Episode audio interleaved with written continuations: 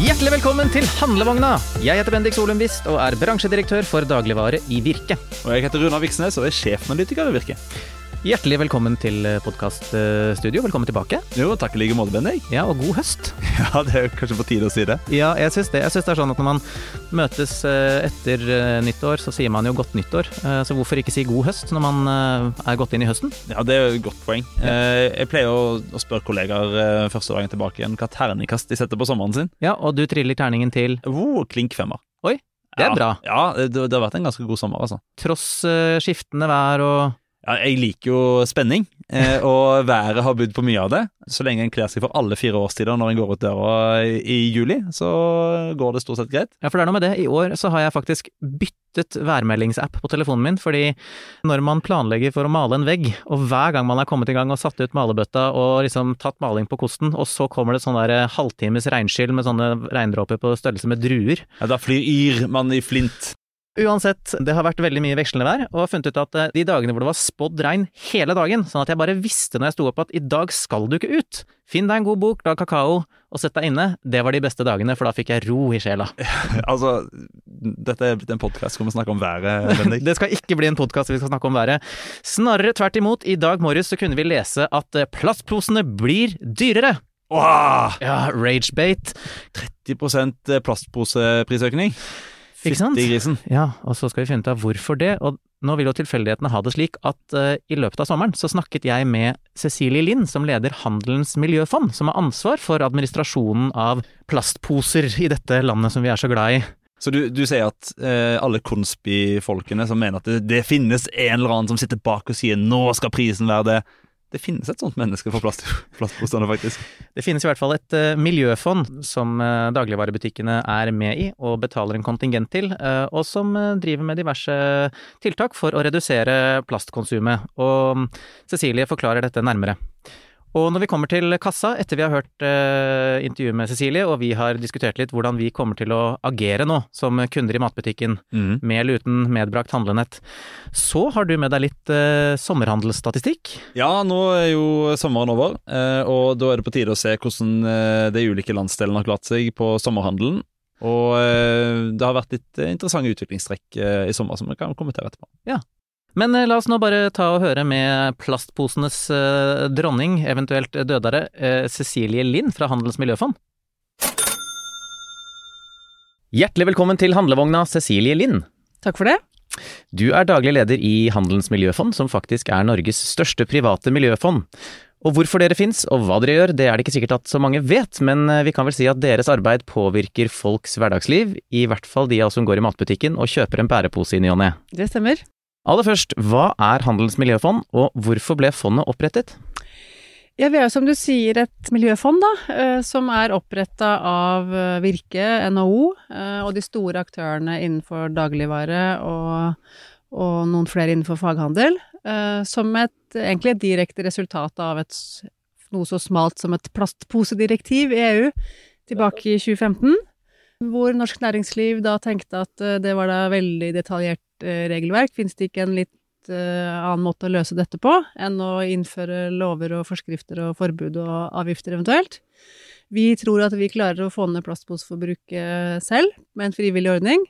Så vi foreslår at vi oppretter handelsmiljøfond, tar inn en kontingent for plastposer som blir solgt, og bruker de på plast og miljø. For da var jo plast også veldig høyt på agendaen som et miljøproblem. Eh, Plastvann på Sotra kom rundt de tider, sånn at det var veldig nærliggende å tenke at man skulle bruke eh, plastposekroner til å løse plastproblemer i den virkelige verden. Nettopp. Men handlet det da om å få ned antall plastposer, eller å få ned plastforbruket generelt, eller få fjerna plast fra samfunnet? Eh, Primært å, å få ned poseforbruket eh, gjennom å få inn en kontingent, eh, og så bruke de pengene på tiltak som handler om plast og miljø i bredt, da. Så det har vært alt fra å redusere plastbruk på mange områder, eh, gjenvinne mer plast og fjerne plastforsøpling fra naturen, for eksempel. Hvem er det som er medlem i Handelsmiljøfond, og hva skal til for å bli medlem? Medlemmene våre er eh, bransjeorganisasjonene som organiserer handelsvirksomheter som selger plastbæreposer, Mhm. og så er det da handelsvirksomheter som selger plastbæreposer. Så matbutikker og Ja. alle mulige andre butikker som bruker plastposer til å få varene hjem til folk? Ja, så 85% av plastposene som omsettes i Norge, omsettes av våre medlemmer. Så det er blant annet de fire store dagligvareaktørene, og så er det mange av de store innenfor faghandel, og en del små. Ja. Og faghandel, det er byggevar eller eh, Ja. øh, Bredt bareutvalg og tekstil, sport. Ja. Litt forskjellig. Du, hvor mange plastposer brukte hver person i Norge da dere ble opprettet, og hva er tallet nå? Vi brukte sånn litt over 160, vel, eh, tilbake i 2016-2017. Eh, og så har det gått jevnt og trutt nedover. Og så gikk det litt opp igjen under korona, yes, det? eh, fordi da var jo alle hjemme og handla veldig mye dagligvarer. ja, det stemmer det. så da blei det mye poser å bære det hjemme i. Ja. Eh, ingen, for ingen var på restaurant, så da gikk det litt opp, og så har det falt igjen nå. Så nå ligger vi på sånn eh, I fjor var det sånn ca. 132 poser per innbygger i Norge i snitt. Og vi skal komme tilbake til hvor langt ned vi skal eh, om litt. Men du, hva får medlemmene deres igjen for kontingenten de betaler inn?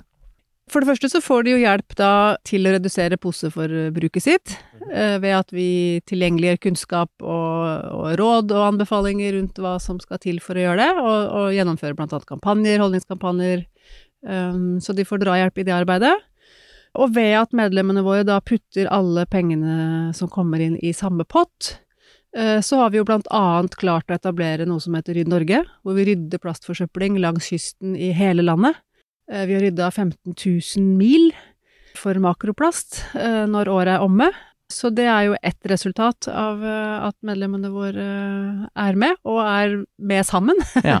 og, og legger alle pengene i samme pott. Og så har vi jobba med å øke gjenvinningen av plast, og mange reduksjon i plastbruken generelt, da. Nettopp. Der dukka det opp et nytt eh, begrep for meg, makroplast. Jeg har hørt om mikroplast, men jeg kan resonnere meg kanskje fram til at det er da ting du kan plukke opp eh, med hånda? Ja, så ofte er jo det Det fins jo mikroplast som er produsert som mikroplast, som fins i kosmetikk f.eks. Ja. Men så er det jo mange store plastbiter som ligger ute i naturen, og etter hvert blir mindre og mindre. Mm.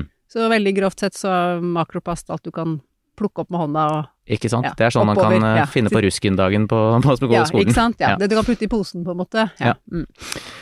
Har det faktisk noe å si om eh, posen koster 1, 2, 3, 4, 5, 6, 7, 8 eller 9 kroner, og hvor dyr må posen egentlig være for at folk skal huske å ta med seg dette handlenettet? Vi har jo en million sånne handlenett liggende overalt, men vi husker jo aldri å ta dem med ut når jeg skal handle. Eh, Ja, vi vet jo fra Sverige og Danmark annet, hvor de har en statlig avgift eh, som resulterte i at eh, poseprisen gikk opp, at forbruket går ned. Sånn at det er en sammenheng mellom, mellom pris og forbruk. Eh, Det er det. Hvor den ligger i Norge, det er jo en eh, Det er forskjell på Norge og Sverige og Danmark. Mm. Eh, Og det er også forskjell på handlevarene våre. Eh, Og så er det sånn at prisen til forbruker, den bestemmes jo av våre medlemmer.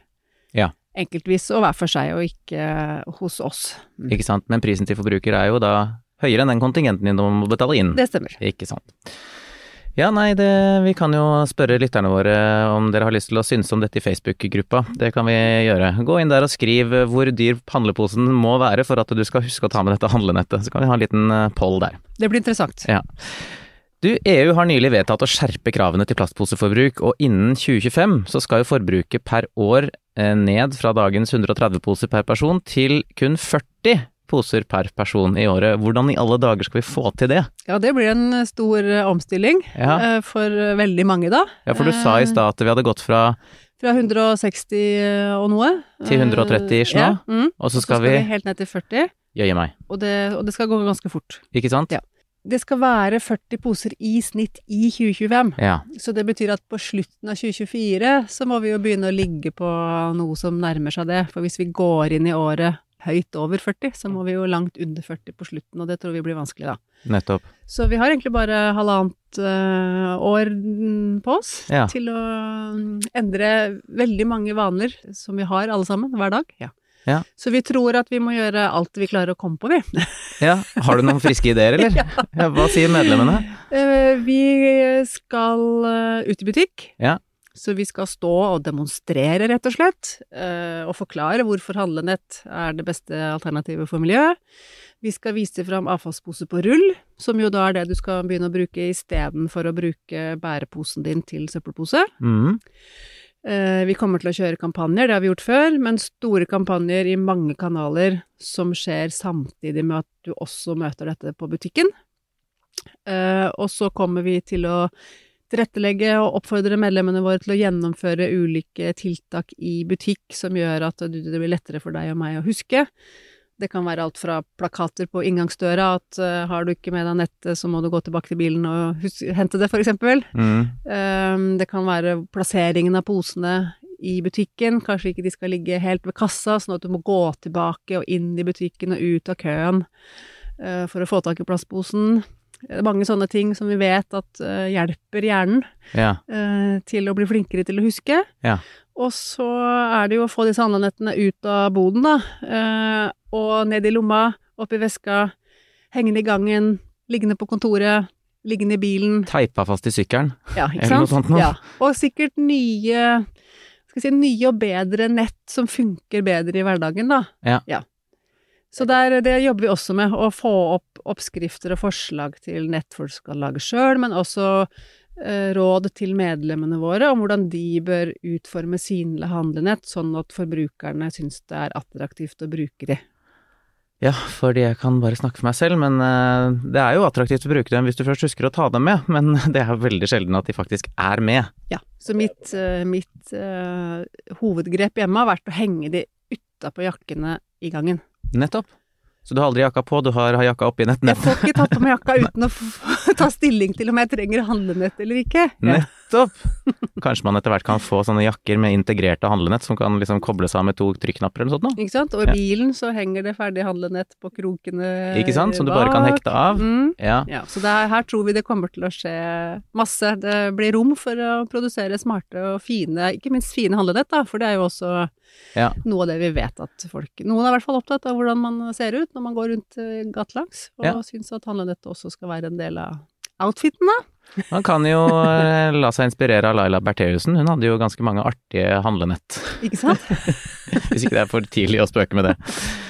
Men du, hva skjer hvis vi ikke når dette målet om 40 poser per person? Vil ikke Handelsmiljøfond lenger ha politikernes støtte, og hva skjer i så fall da? Nei, altså vi har hatt uh, flere møter med KLD uh, det siste halvåret. Ja, Klima- og miljødepartementet altså? Helt riktig. Til glede for nye lyttere? Ja, med Espen Barth Eide, Ja. og forventningen til at vi klarer å nå dette målet er veldig klar. Mhm. Eh, De ønsker ikke å ha noe rødt kryss i boka si i Brussel. Eh, Vi reiser rundt i verden og holder vår fane høyt når det gjelder miljø og plast. Eh, Så dette skal være i orden. Så det er en reell eh, mulighet, faktisk. Eh, Og da vil det jo være en statlig avgift, vil være et alternativ til det som vi er i dag. Ja. Hvilke land er det som har gjort det på den måten, og hva er liksom responsen eh, hos publikum der? Svenskene har statlig avgift. Mm. Eh, Danskene har en minstepris, eh, pålagt minstepris kombinert med en litt lavere statlig avgift. Eh, Noen land har forbud, eh, noen land har bioposer, så her er det et ganske sånn stort eh, spekter av ulike løsninger. Ja. Ingen har noe som ligner på Hans miljøfond. Nei. Vi mener jo at det er den mest eh, og beste løsningen, fordi vi både eh, kommer til å få ned forbruket i tråd med målet, men vi allokerer også store midler til miljøsaken. Nettopp. Og en statlig avgift vil nødvendigvis gå til statskassa, eh, og for så vidt gå til fornuftige ting, men ikke til plast- og miljøtiltak. Dette sikrer øremerka midler til at uh, vi har uh, mye penger, egentlig, å bruke på det feltet i Norge, og det er handel og næringslivet som har rattet på hånda. Eller Hånda motsatt. på rattet. I bruken av de pengene. Og det er ganske unikt, da. Så det er ikke, ikke i Europa, og ikke i verden fins det noe som ligner på oss. Nei. Artig. Men du, jeg eh, har jo bodd i flere europeiske land gjennom mitt eh, liv, og veldig mange andre steder så må man jo kjøpe sånne plastposer på rull som du nevnte at vi eventuelt må gå over til, da. Men går ikke vinninga opp i spinninga, da? Hvis jeg da ikke får tatt med meg en plastpose fra butikken, men må kjøpe på rull? Jeg må jo fortsatt kaste søpla mi i noe plast. Det er riktig, men plastposene på rull er mye tynnere. Ah, Så du bruker ca. halvparten så mye plast ved å gå over til eh, avfallspose på rull. nettopp. Mm, Det er så enkelt. en-. Ja, mm, det er så enkelt faktisk. Så det ligger en betydelig miljøgevinst i det. Så dette her har vi finregna på. Mm, Ikke vi, men forskere Ja. uh, som har greie på det. Uh, og de har brukt norske tall, uh, blant annet da tatt utgangspunkt i at den norske plastposen har et høyt innhold av resirkulert materiale eh, allerede. Det har jo dagligvare og de andre aktørene vært flinke til å sørge for. mm. Eh, og så har vi sammenligna da papirpose, bærepose brukt som avfallspose, med handlenett i nylon og handlenett i bomull. Ja. Og det beste for miljøet er handlenett i nylon eller polyester, kombinert med avfallspose på rull. Yes. Så når du har brukt det handlenettet åtte ganger, Ja. Så har det slått å bruke bæreposen også som søppelpose. Åtte ganger, ok, det burde vi klare å få til. Det er mulig. Vi handler jo, nordmenn handler jo vanvittig mange ganger i løpet av et år. Ja, vi skiller oss ut. Ja, for det er jo kanskje det som også er litt i andre land, så tar man storhandelen en gang i uka. Mm. Mer da er det det lettere å huske. Ikke sant, for da skal du i butikken, det Da er det du skal. planlagt, ja. Nettopp. Vi impulshandler noe voldsomt. Ja. Ja, for du tror ikke vi klarer å få nordmenn til å endre handlevaner og handle mer sånn storhandel, sånn som svenskene og danskene gjør mer av?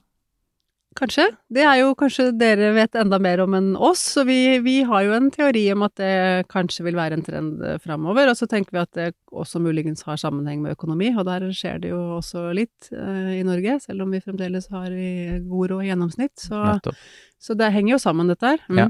Jo trangere økonomi, jo bedre må man planlegge, Ikke sant? Ja. Og jo Mm. surere er det å kanskje bruke penger på plastposer, ikke så sant. man heller kunne kjøpe appelsiner for, eller noe annet. Men du, eh, Handels miljøfond har jo to andre formål også. Eh, du var innom noe av det her. Eh, det med å rydde plastsøppel og fremme mer miljøvennlig plast gjennom forskning og utvikling. Mm. Altså, hvor mye penger har dere brukt på disse formålene, og hva har dere oppnådd av konkrete ting? Vi har brukt eh, ca. 500 millioner kroner på over 600 forskjellige prosjekter. Så vi støtter store og små prosjekter i inn- og utland. Alle kan søke om penger hos oss. Um, Jeg som privatperson også? Ikke du som privatperson. Åh. Men hvis du får deg et organisasjonsnummer ja, nettopp. Skal ikke mer til, nei. eh, og har en god idé, Ja. eh, og kan synliggjøre for oss at du kommer til å skape gode miljøresultater, Mm. Eh, så er det muligheter hos oss flere ganger i året som regel, da. Mm. Så, mm, så det er det store bildet. Vi har finansiert alt fra strandryddeaksjoner, bitte små, til eh, å lage bedre engangsrasjoner for Forsvaret som bruker mindre plast, til hvordan kan vi ha mer resirkulert plast i matemballasje, som da er i matkontakt. Mm. Der- Ja, for det er hygienebasert at man ikke skal ha for mye resirkulert, eller hvordan? Ja, ikke sant. Så da mm, Den resirkulerte plasten kan jo i teorien inneholde ting som den jomfruelige plasten ikke gjør, og Ja. da Så der er det ofte sånne lag, da. Man legger ting i lag, så man kan ha et resirkulert lag i midten, og så kan man ha jomfruelig lag mot selve maten, da. Men her er det bevegelse hele tiden. Skjønner. Vi har øh, støtta prosjekter om å kutte ut spylevæskekanner og heller fylle spylevæska rett på tanken. Ja. Eh, bytte ut plastpotter til blomster med ull, som ikke kan brukes til klær, sånn at du bare kan plante hele potta rett ned i jorda. Jøss. Så her er det et eh, utrolig mye spennende prosjekter som vi har støtta fra veldig ulike aktører og ulike deler av både næringslivet og frivilligheten. Har du hørt om det der prosjektet, er det Nederland, tro? Et sånn kanalbasert eh, prosjekt med noen bobler som man har lagt et sånn rør under eh, vannet, som sender bobler opp, som samler opp eh, plasten, og sender den i en retning inn til eh, siden av kanalen, og så samles den opp der. Ikke sett akkurat den, men vi har vært med å finansiere ulike sånne type innsamlingsteknologiske eh, enheter, da, for å, for å ta ut plast i elver, blant annet, i, i, også i eh, Asia.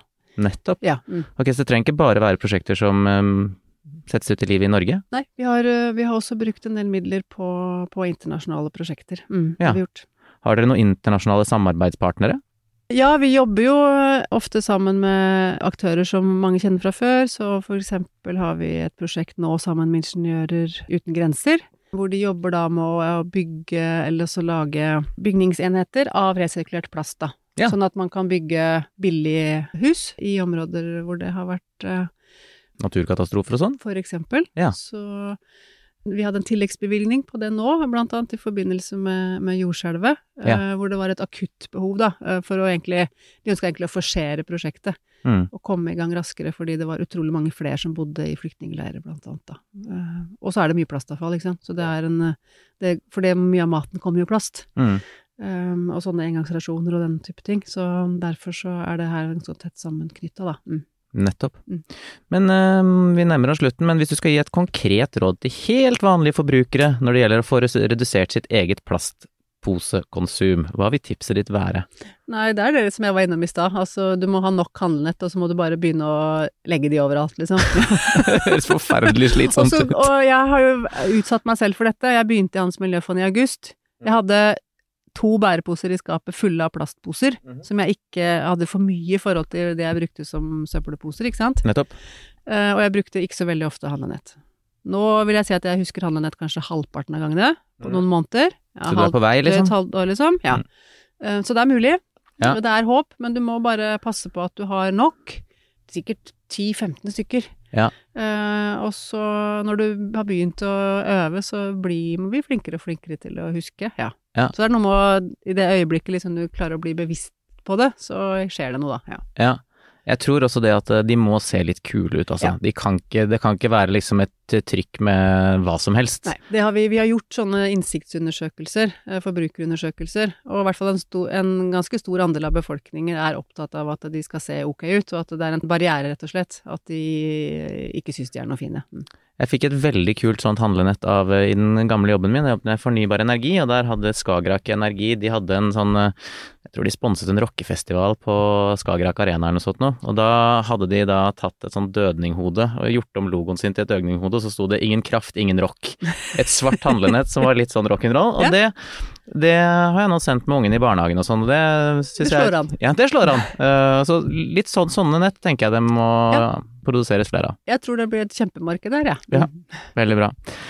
Uh, Helt til slutt så har jeg et obligatorisk dobbeltspørsmål til alle mine gjester, og det er um, Hva er din favorittmatrett hvis du er gjest eller går ut for å spise, og hva er din signaturrett hvis det er du som får gjester på besøk? Ja, jeg må nok innrømme at jeg er veldig glad i pizza, da. Så Oi! hvis det er god pizza på menyen, så en ordentlig italiensk eh, restaurant, så mm, Ikke sant? Så er det litt sånn default, ja. Ikke en sånn uh, veldig tjukk, fluffy amerikansk variant? Nei, helst ikke. Nei. Nei. En sånn tynn, Tynn, sprø. Ikke så fryktelig mye fyll, egentlig. Nei, hvilken topping? Er du på sånn classic margarita, eller vil du ha noe Jeg kan godt ha litt skinke, da, men jeg trenger ikke noe sånn masse stæsj, altså. Nei. Nei, men det, altså, det er jo en klassiker, det. Ja, hvis den er ordentlig god, liksom. Ja. Mm. Så det syns jeg er digg. Signaturrett. Ja, jeg er glad i å lage mat. øh, Prøver å gjøre litt forskjellig, men øh, kanskje jordskokksuppe med andebryst i hovedrett, da. Det, var da, det var da voldsomt. Det hørtes jo ut som noe du kunne fått på restaurant. Absolutt. Tusen takk for at du kom på besøk til handlevogna Cecilie Lind. Takk for meg. Nå, Runar, hva tenker du som eh, medmenneske og dagligvarekunde? Kommer du til å huske å ta med handlenett? Jeg håper det. Ja, for du har mange sånne. Om jeg har, ja. Ja. De, hele skapet er fullt, men, men de blir liksom i skapet, og så kommer jeg hjem fra butikken med en handlepose i hånda og dårlig samvittighet. Nettopp. Eh, så jeg, jeg trenger noe som gjør det lettere å ta med seg de handlenettene jeg har. Ja. Og tror du det blir lettere for deg å huske det hvis du har et kult handlenett, som på en måte står mer i stil med hvordan du føler deg den dagen? Det skal være veldig kult for at jeg har lyst til å ta det med for å vise det frem. Ikke sant? Men det kan jo være en slags bestilling fra handlevogna til de som nå skal ut og designe nett. Fordi at det, det må jo komme et marked for dette her, så at det, blir en del av din eh, garderobe, din haute couture. Eh, I dag er du rocke, Runar, og da har du skinnjakke og svart handlenett, og en annen dag så har du kanskje et eh, rosa handlenett, fordi du er mer på den vibben. Ja, definitivt. Og hvis du kan kombinere dette med funksjonalitet, ja. sånn at det, er praktisk å få med seg. Ja, For eksempel det jeg har her, eh, har jo en sånn praktisk strikk som holder det samlet. Men jeg er jo en vandrende reklameplakat for den bedriften som ga meg det nettet. Det er jeg ikke så gira på. Jeg vil gjerne få lov til å velge min egen logo eller min egen tekst, eh, så de kan jo hente inspirasjon fra festival- og musikkbransjen, der de har slutta å frakte T-skjorter halve jordkloden rundt, eh, men i stedet kommer du med din egen T-skjorte, så får du trykket på bandlogo der og da, eh, så hindrer du masse unødvendig T-skjortetrykking og frakt rundt halve jorda. Jeg ønsker meg et superpraktisk, blankt handlenett mm. som jeg kan trykke på dagsformen min på. Ja, men da må det fade ganske kjapt, da. Ja, ja, De kan ta sånn som eh, samme stoff som de har på de der klistremerketatoveringene som eh, barna går med. Ja, Bare ha det på, og så eh, selvfølgelig med et bærekraftig materiale. Og så kan vi skifte det regelmessig. Og viktigst av alt, det må være så holdbart at det kan brukes minst åtte handleturer, og helst kanskje 100 ganger så mye som det.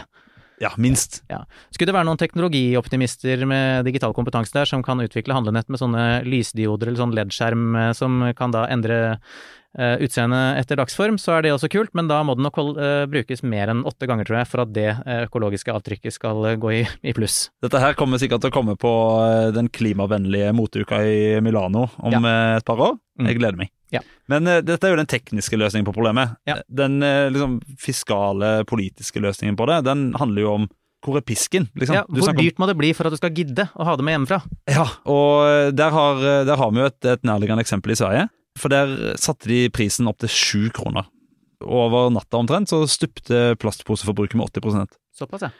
Men dette ble gjort på en ganske annen måte enn i Norge, for der ble det gjort som en skatt. Ja. Altså at det En gikk statlig avgift. en statlig avgift. Finansdepartementet fikk pengene rett i fòret. Mm. Eh, det gjør jo at motstanden mot avgiften har vært mye større. Fordi de som ikke liker skatt, Ja. de har da fått et eh, kronargument. Ja, Mm. og, og de får det rett i trynet hver gang de er på butikken. Ja. Så liksom papirposen har på en måte blitt et symbol på hva staten tvinger de til. Ja. Og det er lett å nøre opp om den type motstand.